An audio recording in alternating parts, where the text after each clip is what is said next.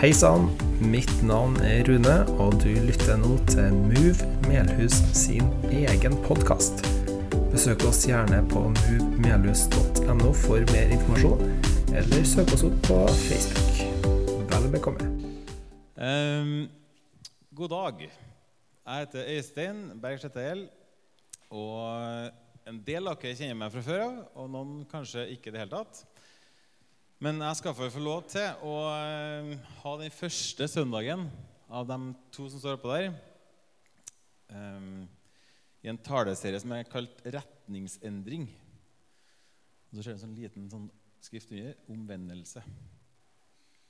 Um, så som dere skjønner, så blir det fest. Omvendelse er jo et eh, klassisk sånn Nå har vi det artig tema. Um, men jeg er veldig takknemlig for det, at jeg får lov til å snakke om det. Um, jeg er en kar som uh, har vokst opp i uh, et kristent hjem. Når det gjelder omvendelse, så er det sånn, du har sånne omvendelseshistorier som du får høre opp igjennom når du, i hvert fall hvis du får opp sånn som meg. da, At du går i en setting hvor du hører om folk som blir frelst og tar imot Jesus. og sånn, Så har du sånne store omvendelseshistorier. Og vi har alle vår historie når det gjelder omvendelse, eller det å endre kurs. Min er min egen, og din er din egen.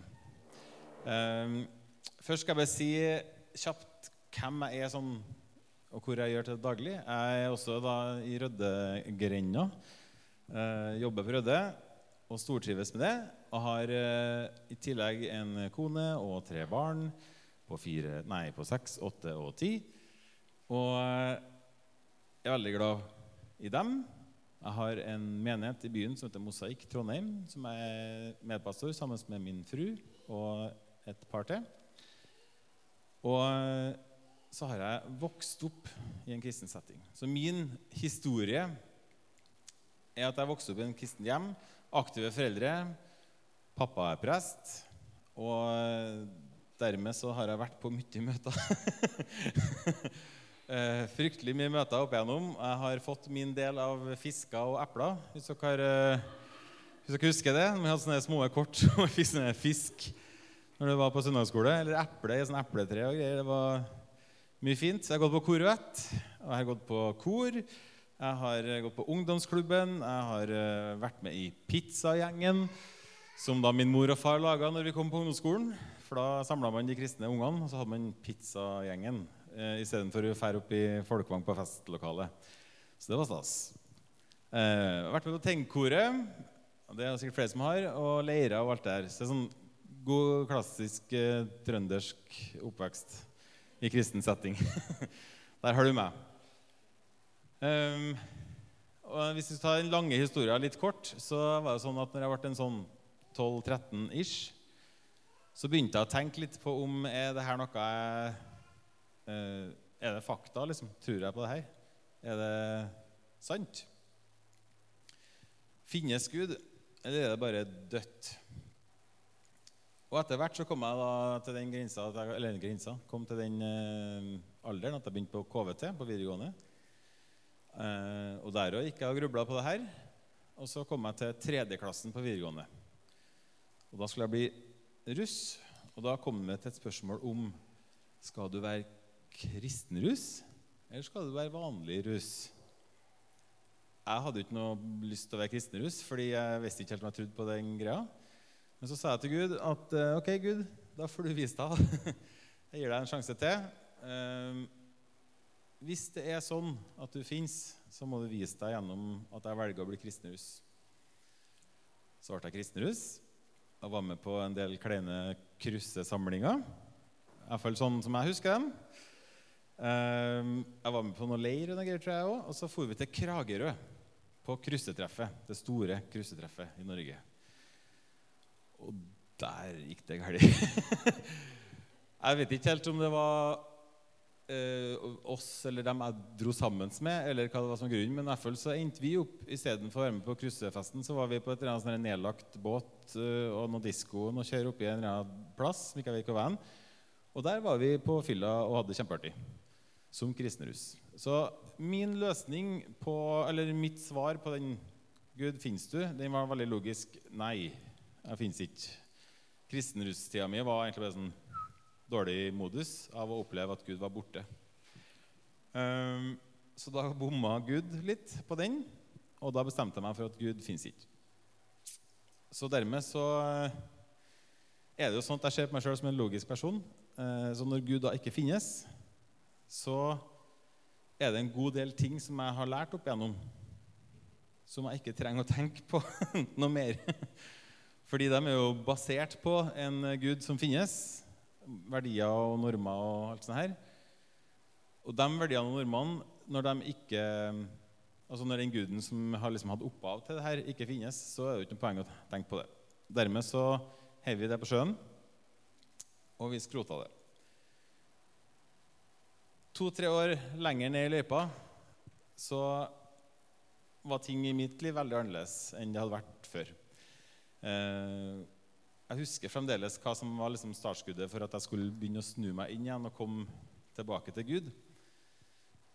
Men uh, i den perioden der så oppholdt jeg meg litt for ofte, uh, veldig ofte, på steder i byen hvor det var veldig få på min alder som gikk. Og en av de stedene var under kjelleren på, altså i kjelleren på After Dark. Er det noen som husker det utestedet i Trondheim? I Fjordgata. Der lå det et sted som het After Dark. Noen type ganske kjedelig nattklubb. Men i kjelleren der så lå det en pub. Og den puben hadde ikke noe navn, tror jeg. så utrolig brun var den. Eh, og der var det veldig billig øl. Og det var eh, ingen under 50, tror jeg. Unntatt meg. Så der var jeg litt for ofte fordi det var billig øl. Eh, nå høres det ut som jeg liksom, eh, hadde et sånt liv, eh, men det hadde ikke jeg. Men akkurat den perioden der så var det faktisk sånn at jeg sto opp klokka fem om eh, dagen og prøvde å få tak i folk for å dra til byen. Og når jeg ikke fant folk, så for jeg sjøl og så satt vi og drakk en plass. Eh, ikke hver dag, men ganske ofte. Og så kommer startpunktet mitt på min omvendelseshistorie. Eh, for da er det sånn at Arne Fredrik Lånke, som en del kjenner, han var i byen med sin jeg tror søskenbarn eller et eller annet sånt her, og skulle vise fram de bruneste plassene i byen altså bruneste, altså slit, mest slitne sånne puber. og sånn. Så han hadde tatt med seg på en liten runde, og så hadde han kommet til den plassen i Fjordgata under After Dark som ikke hadde noe navn. Og idet de står utafor der, så kommer jeg gående opp eh, den trappa og er ganske sånn ute. Og jeg husker liksom han og en til. Jeg husker ikke uh, hvem det var, men det var to stykker. fall. Og han snakka, og jeg husker ikke noe av samtalen. Men det var sånn, da, det kjente jeg var sånn oh, det var ekkelt. Kjipt å møte på han her, egentlig, følte jeg da. For det var liksom ikke plassen du skulle være. Uh, men sånn var nå ståa. så møtte jeg han, og så gikk det tre uker, tror jeg. To-tre uker. Så ringer Arne Fredrik meg. Jeg har ikke hunget med Arne Fredrik og vært en sånn nær kompis med han. Men han har vært liksom, i oppveksten min her og der nå og da. Så ringer han meg og sier han, «Eh, du, eh, Øystein, eh, vi trenger en trommis. For vi skal spille med et kor på Olavsfestdagene. Kan du spille, du? tenkte jeg høy, trommer er artig. Det, ja, det er jeg med på. Og så var jeg med på Olavsfestdagene og spilte trommer. Kjempegøy. Og så var det et kristent gospelkor, men det hadde ikke mye å si, for jeg fikk lov å spille trommer. Og så gikk det da en stund etter den konserten hvor han ringte igjen og sa Eh, du, Øystein, mangler en bassist. Og så lurte jeg på kan du bli med og spille bass. Så tenkte jeg jo, bass er artig. så det kan jeg gjøre. Eh, og så jeg med å spille bass på noen sånne øvelser og ting og tang. Og så husker jeg ikke helt når det her skjedde, men i hvert fall en eller annen plassen der så skulle de ha et møte hvor de skulle starte koret. Som da jeg plutselig hadde spilt bass i. Da satt vi rundt et bord i Salem, husker jeg på, en gjeng på tror jeg, 16 sangere og folk. Nå skulle vi si hvorfor vi skulle være der. Og så satt liksom en ja, 'Jeg elsker Jesus, og jeg elsker gospel, og jeg gleder meg.' Og så nestemann 'Jeg elsker Jesus, og jeg elsker gospel, og jeg gleder meg.' Så gikk det sånn bortover. Og så tenkte jeg 'Kjære vene'. Her er jeg ganske malplassert, tenkte jeg da. Og så kommer vi bort til kona mi, eller hun som nå da er kona mi, som ikke var det da. Og så sa hun eh, 'Jeg tror ikke på Jesus, men jeg elsker gospel'. Så tenkte jeg 'Hæ? Ok, det er én til, i hvert fall'. og så kom vi til nestemann og sa 'Jeg elsker Jesus og jeg elsker gospel', og jeg gleder meg. Og så gikk det sånn hele veien bortover til kom til meg. Og så tenkte jeg eh, så, 'Hvorfor er du her?' Og så var det sånn 'Ja' jeg tror ikke på Jesus, og jeg elsker ikke Jesus, og jeg er ikke noe glad i gospel, så jeg aner ikke hvorfor jeg er her. og så, så sånn var liksom starten min på liksom det koret. Men eh, jeg dro på siviltjeneste, og i det koret så møtte bl.a. Marianne og Jesus og begynte å tro på han. Og begynte å be for meg. Og så kom jeg tilbake fra siviltjenesten og fikk spørsmålet fra Arne Fredrik, som nok en gang ringte meg og sa Du, Øystein, eh, vi trenger en tenor. Kan ikke tenke deg å bli med og synge i koret? og så sa jeg nei, det kan ikke jeg. Jeg tror ikke på det dere tror på, så det funker ikke for meg å stå og synge om det. Eh, sorry, Mac. Og det tror jeg jeg gjorde flere ganger. Men av en eller annen merkelig grunn, jeg vet ikke hva som skjedde, men plutselig så sto jeg oppe i det koret og var med og sang. Uh, ja, jeg vet ikke hvordan det skjedde, men det skjedde i hvert fall. Um, og på grunn av de folkene der, i det fellesskapet, så tok livet mitt en ny retning. Um, det skjedde en retningsendring, og en skikkelig viktig en. um, det som man kaller for en omvendelse. Det er den største retningsendringa du kan få til. Når du står sånn, og så snur du deg 180 grader, så får du ikke til å gjøre noe mer retningsendring enn det. Det er maksen. Hvis du gjør mer enn det, så kommer du jo Dere skjønner? Ja, dere kan det her. Eh, men det er maksen av retningsendringen vi får til. Det er en helomvending. Og det skjedde for meg der. Og det er liksom Det er voldsomt, da. 180 grader. Bang! Andre veien. Og så er det sånn at jeg tror siden en sånn eh, helomvending, eller en omvendelse, eh, er såpass heftig eller såpass voldsom, så tror jeg at det er lett for oss eh, å sette liksom de store omvendelseshistoriene høyt. At det er historier som Å, wow, har du opplevd det? Nå har du gjort sånn. Skulle ønske jeg hadde en sånn historie. På en måte. For de fleste av oss er ikke så heftig historie vi har. Man har vokst opp i en trygg setting, og så begynte man å tro på Jesus. Wow! den, den omvendelseshistoria er ikke så heftig. Det er liksom ikke torpedoen. Han er håpet, husker dere han? En sånn torpedo som for rundt i farta for noen år siden og snakka om Jesus fordi han hadde møtt Jesus. Det er sånn heftig, voldsom omvendelse. Um, og jeg tror at vi av og til skulle ønske at vi hadde en sånn historie i kristenlivet vårt. Fordi at det har vært så mye enklere. Det har vært trosstyrkende å ha gått ifra liksom mørket til lyset på en sånn skikkelig måte. Jeg husker på i Salem, når jeg gikk der eh, i den perioden her, etter at jeg eh, hadde denne omvendelsen Så begynte jeg å gå inn i Salem, så husker jeg på det var ei dame som jeg møtte sammen, ja, ei som het for Grete som hadde en sånn opplevelse og en sånn omvendelse. Vi satt snakka og prata. Og hun, hadde, hun, var på TV 2 med han Svartdal, og det var liksom vokst opp med satanisme i familien eller i miljøet. Det var mye styr og stell. Og så ble kristen. Og så husker jeg Hun sa hun var irritert og så utrolig Skjønte ikke alle dem som var i miljøet, som på en måte lengta etter en sånn type åh, bare hadde jeg en sånn omvendelseshistorie. Fordi hun, Det eneste hun hadde ønska, var Tenk deg hvis jeg kunne ha hatt den oppveksten de har hatt.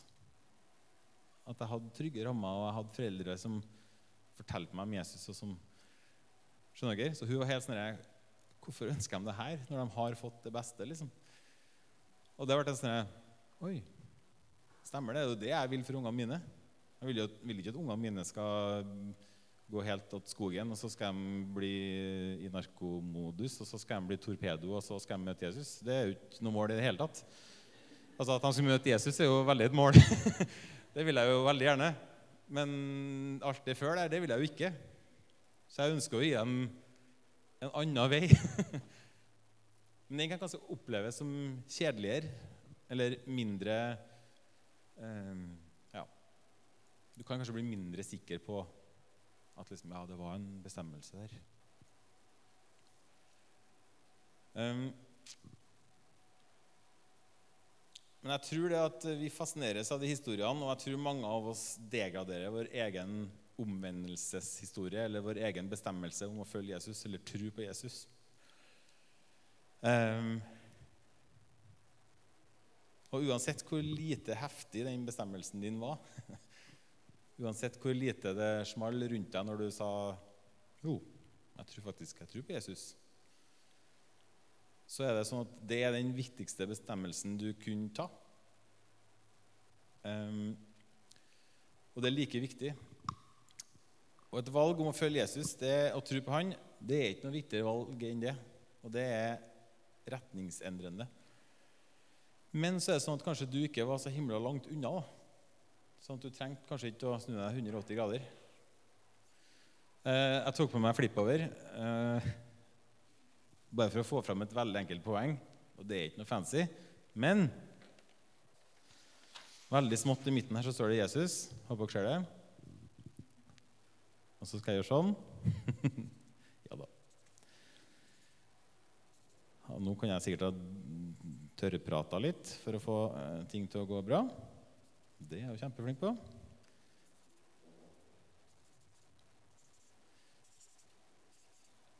Nå skjønner dere sikkert hva dette er. Nei. Eh, det som er poenget her, det er Jesus er her. Og så er alle de små prikkene eh, Gang dem opp med 6 milliarder, eller hva vi er i verden men det er mennesker.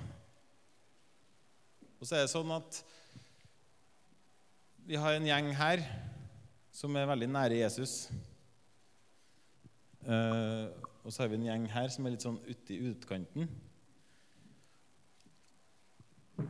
Og så blir vi litt sånn opptatt av kanskje å plassere folk innafor eller utafor, eller eh, kristen eller ikke-kristen. Eh, men så er ikke det det handler om. Og når du vokste opp, så kanskje du var farta rundt her en plass. Hvis du var heldig å vokse opp i en kristen setting og høre om Jesus og Ikke sant? Da var du kanskje rundt her et eller annet sted. Og så kanskje du til og med var her når du var 14 og tenkte Jo, jeg tror på Jesus, jeg. Så hadde du kanskje nesa di pekende dit Når du da skulle bestemme deg for jo, jeg tror på Jesus, så var ikke en 180 grader ned dit. Men det var bare en liten retningsendring. Skjønner dere? Mens her kan det hende at det var en kar som allerede sto med nesa den veien. Og hadde retningen og var kikka på Jesus, var mot Jesus. Mens han her som alle trodde var skikkelig nære, han var egentlig begynt å skli ut her. han. Skjønner dere? Så hvor hen på kartet vi er, spiller egentlig ikke så mye rolle. Om vi er innafor eller utafor, har ikke noe å si. Det som er viktig, er hvor er det vi ser hen, hvor er det vi går mot. Og hvor er du hen? Her. Er du nært Jesus, eller er du langt borte? Går det an å tegne en sirkel og si at uh, det her er innafor dem er kristne? Hva med han her, da? Er ikke en kristen? Han tror jo på Jesus og er på vei dit. Jeg tror ikke det går an å plassere denne saken der. Hvor er naboen din? eller kollegaen din. Eller foreldrene til ungene i barnehagen, skolen, fotballen eller der du møter folk.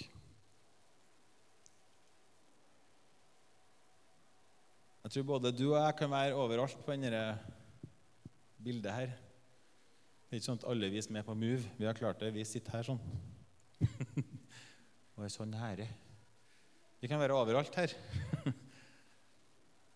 Fordi vi er forskjellige, og vi har helt forskjellige historier og helt forskjellige opplevelser og helt forskjellige hverdager.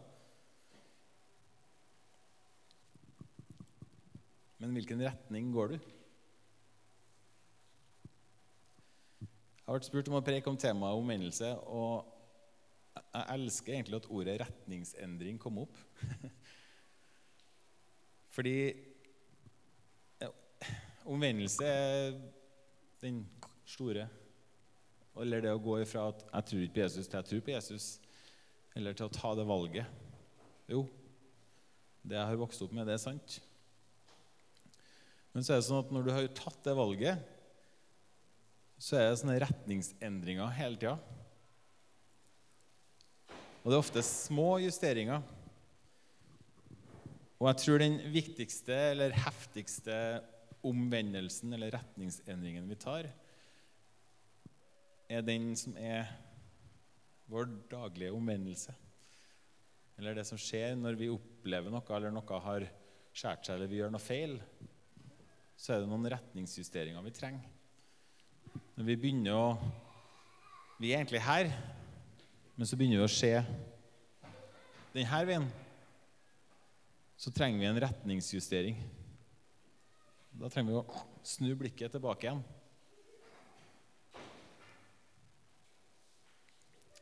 Fordi tingene som endrer kurs, det er små ting. Det er veldig små ting. Og de tingene er så utrolig lett å bli vant med. I hvert fall i mitt liv så er det sånn at de små tingene er veldig lett å bli vant med. De store, farlige, de holder deg unna, for at det vet du nei, nei, uff. Men alle de småtingene, det kan bli lett å bli vant med. Og jeg tror kanskje vet vi at det ikke er rett mye av de tingene, eller at det ikke er godt. Men så er vi i det hver dag. Står i det hver dag. Samme hva det er for noe. Og jeg tror vi trenger en jevnlig kursendring. Eh, fra de tingene som får plass i livet vårt, som er med å justere kursen vår bort ifra Jesus. Bort ifra Han. Um, skjønner dere bildet? Er dere med? Ja. Um, for jeg tror vi er satt til å ha et fellesskap med Gud. Og de små endringene i kurs Hvis vi da tar den karen her, da La oss si at uh, han han var egentlig peka inn dit, men så tok han en liten justering dit isteden. Da drar jo han her. Dere er med? Det er en liten endring oppi her, men du havner en helt annen plass til slutt. Og, det er ikke sånn at det ikke, og da er det kjørt. Du har ikke noen mulighet til å snu kurs igjen. Altså, det er ikke sånn.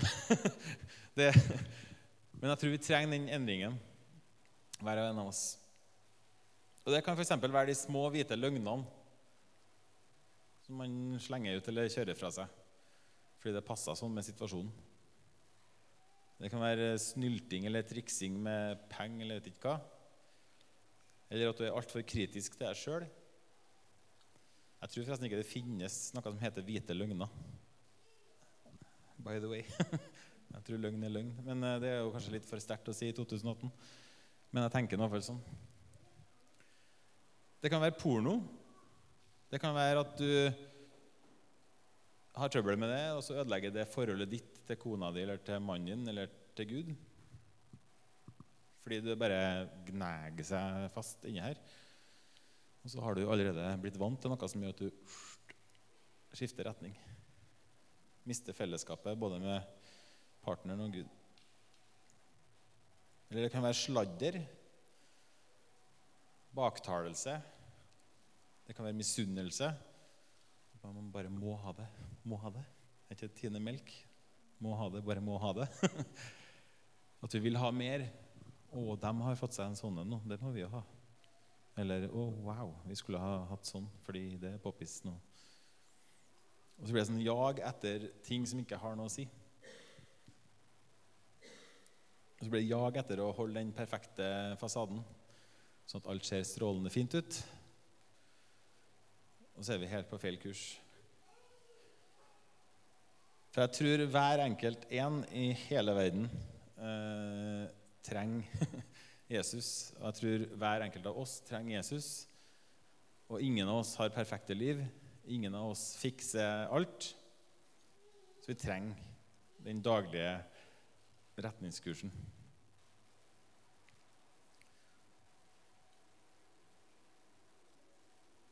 Så sjøl om den største og viktigste omvendelsen er å ta imot Jesus og tro på han, og følge han, så tror jeg at vi må justere opp viktigheten av faktisk stadig å komme til Gud, og komme til hverandre òg, for å justere kursen. Og be om tilgivelse, sånn at forholdet til Gud og til hverandre blir friskt og godt og nært igjen. I Jakobs brev i kapittel 5, vers 16 så står det Bekjenn da syndene for hverandre, og be for hverandre, så dere kan bli helbredet. Og Jeg tror det ligger i det å si unnskyld og det å si 'Kan du tilgi meg?' og det å ta den kursendringa, så tror jeg at eh, vi kan få lov til å bekjenne synd, og så blir det livgivende for oss. Man får liv. Altså, Vi dør ikke fysisk, det har dere skjønt, men det åndelige i oss, det livet vi har på innsida, kan gå litt ned når vi er i sånne faser hvor vi har begynt å rote oss opp i et eller annet som vi ikke altså vi merker ikke er godt. Men det er da få lov til å komme til en person og si er det her har jeg gjort, eller her er vanskelig, eller kan du tilgi meg, eller jeg trenger å få hjelp til å slippe å tenke de tankene om meg sjøl, for jeg har så dårlige tanker om meg sjøl. For det stemmer ikke. Jeg hører at jeg er Guds barn, og hører jeg elsker, og hører at jeg er verdt alt i hele verden og alt, men jeg, det går ikke sammen oppi her. Jeg trenger hjelp til å legge det fra meg og ta imot det Gud har for meg. Sånn kursendring tror jeg vi trenger. Og i det blir det liv. I Ordspråkene 4, kapittel 4 så står det et lite vers som er sånn slagervers. Men eh, jeg fikk lyst til å lese litt mer. Så fra vers 20 til 27 så står det Overskriften er 'Bevar ditt hjerte', så jeg regner med at noen av dere ah. Min sønn, lytt når jeg taler. Vend øret til mine ord. Slipp dem aldri av syne. Bevar dem dypt i ditt hjerte. De er liv for den som finner dem, og gir hele kroppen helse. Bevar ditt hjerte framfor alt du bevarer, for livet går ut fra det. La aldri munnen tale falske ord, og hold leppene borte fra svik. Ha øynene rettet framover. Fest blikket på det som ligger foran. Gjør stien jevn der foten skal gå, da blir alle dine veier trygge. Vik ikke av til høyre eller venstre, hold foten borte fra det onde. Så vi må ta vare på hjertet vårt, for livet går ut fra det. Eh, Jesus eh, snakker med hun samaritanske dama i Johannes 4.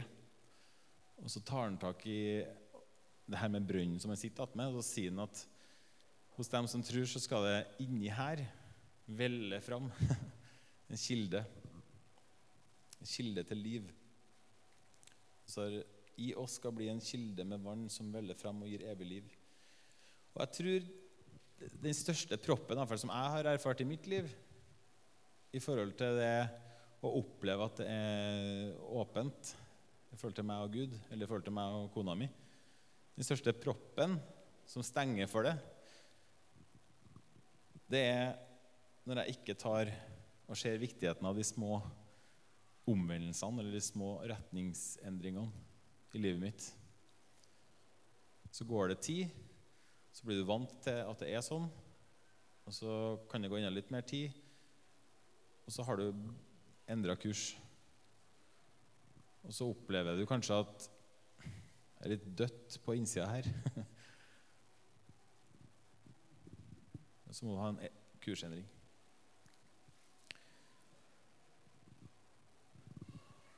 Det som er greia med omvendelse, er at det egentlig er en gavepakke. Så det er ikke sånn at eh, jeg skulle til å si når jeg starta her så, sånn Omvendelse. Yay, fest. Men det er egentlig en fest. For den gaven som vi har fått, er at vi har muligheten til å komme og si Sorry, jeg trenger hjelp. Og det er en utrolig stor nåde og en utrolig stor kjærlighet som ligger bak at vi har muligheten til å faktisk gjør det. Så på grunn av Guds godhet og hans kjærlighet og hans nåde så får vi lov til å komme gang på gang. Ikke én gang, og ikke én ting. Men det kan være den samme tingen om og om og om igjen. Så vi får lov til å komme til Jesus og si ah, Kan jeg få en ny start? Jeg dreit på draget. Og det kan du si til folk der rundt deg òg. Sorry, jeg trenger en ny start. Så ikke undervurder de små hverdagslige omvendelsene, for de er retningsgivende. De er med på å justere kursen og holde Den hellige ånd, som bor i oss, til stede. Og er med på å holde kilden av det levende vannet rennende. At det er ferskt og friskt. Så omvendelse renser opp. En sånn kursendring gjør at det flyter igjen. Det er som Plumbo. Hvis du tar den. Hvis det er noen rørleggere eller sånn her, da vet jeg ikke. Men den biten der er noe vi trenger i livet vårt for å være nær til Gud. Jeg hørt et bilde i dag om at eh, når en rullebane, når det er snø på rullebanen, eh, så er det sånn at eh, det kommer brøytebiler. Og på Arlanda i Sverige så tar det åtte minutter, så er den tom for snø. Og det er klart for å lande. Og akkurat sånn er det når vi trenger en sånn retningskurs, nei, en endringskurs som gjør at vi på en måte får muligheten til å få Den hellige ånd til å lande. når det er snø på rullebanen, så trenger vi å be Gud OK, Gud, nå trenger jeg litt ryddeteam her. Jeg har det og det og det. Kan ikke hjelpe meg? Og så kommer det brøytebiler, og så ordner jeg med en rullebane hvor flyet kan lande. Eller Den hellige ånd kan komme da, og bare betjene deg og helbrede deg og gjøre deg hel. Men det kan være vanskelig, og det kan være ydmykende. Det kan være uvant. Men uansett hvor vant vi er, eller hvor vi er hen, så får vi lov til å komme nær, og vi får lov til å legge av oss byrdene. Og vi får lov til å finne tilgivelse, og vi får fremtid og håp. Og vi får lov til å løfte hodet og stå ren og rettferdig framfor Gud uten skam. For han har elska oss så høyt at han gikk i døden for oss. Han kjempa for oss for at vi skulle ha muligheten til å leve sammen med han, med blikket festa på han. Skal vi be. Kjære Jesus, takk for at vi får lov til å komme til deg gang på gang. Takk for at din Hellige Ånd er i oss. Og takk for at eh, vi kan få lov til å ha en kursendring hver dag for å se hvor du er og søke deg. Takk for at du har eh, gitt ditt liv for at vi skal ha liv med deg, og for at å komme nær til deg. Jeg ber Jesus om at eh, vi som er her nå, at vi skal få lov til å se den gavepakken som omvendelse er. den gavepakken som en retningsendring er. Sånn at vi uansett hvor vi er hen på det kartet, kan få lov til å feste blikket på deg og få en ny start.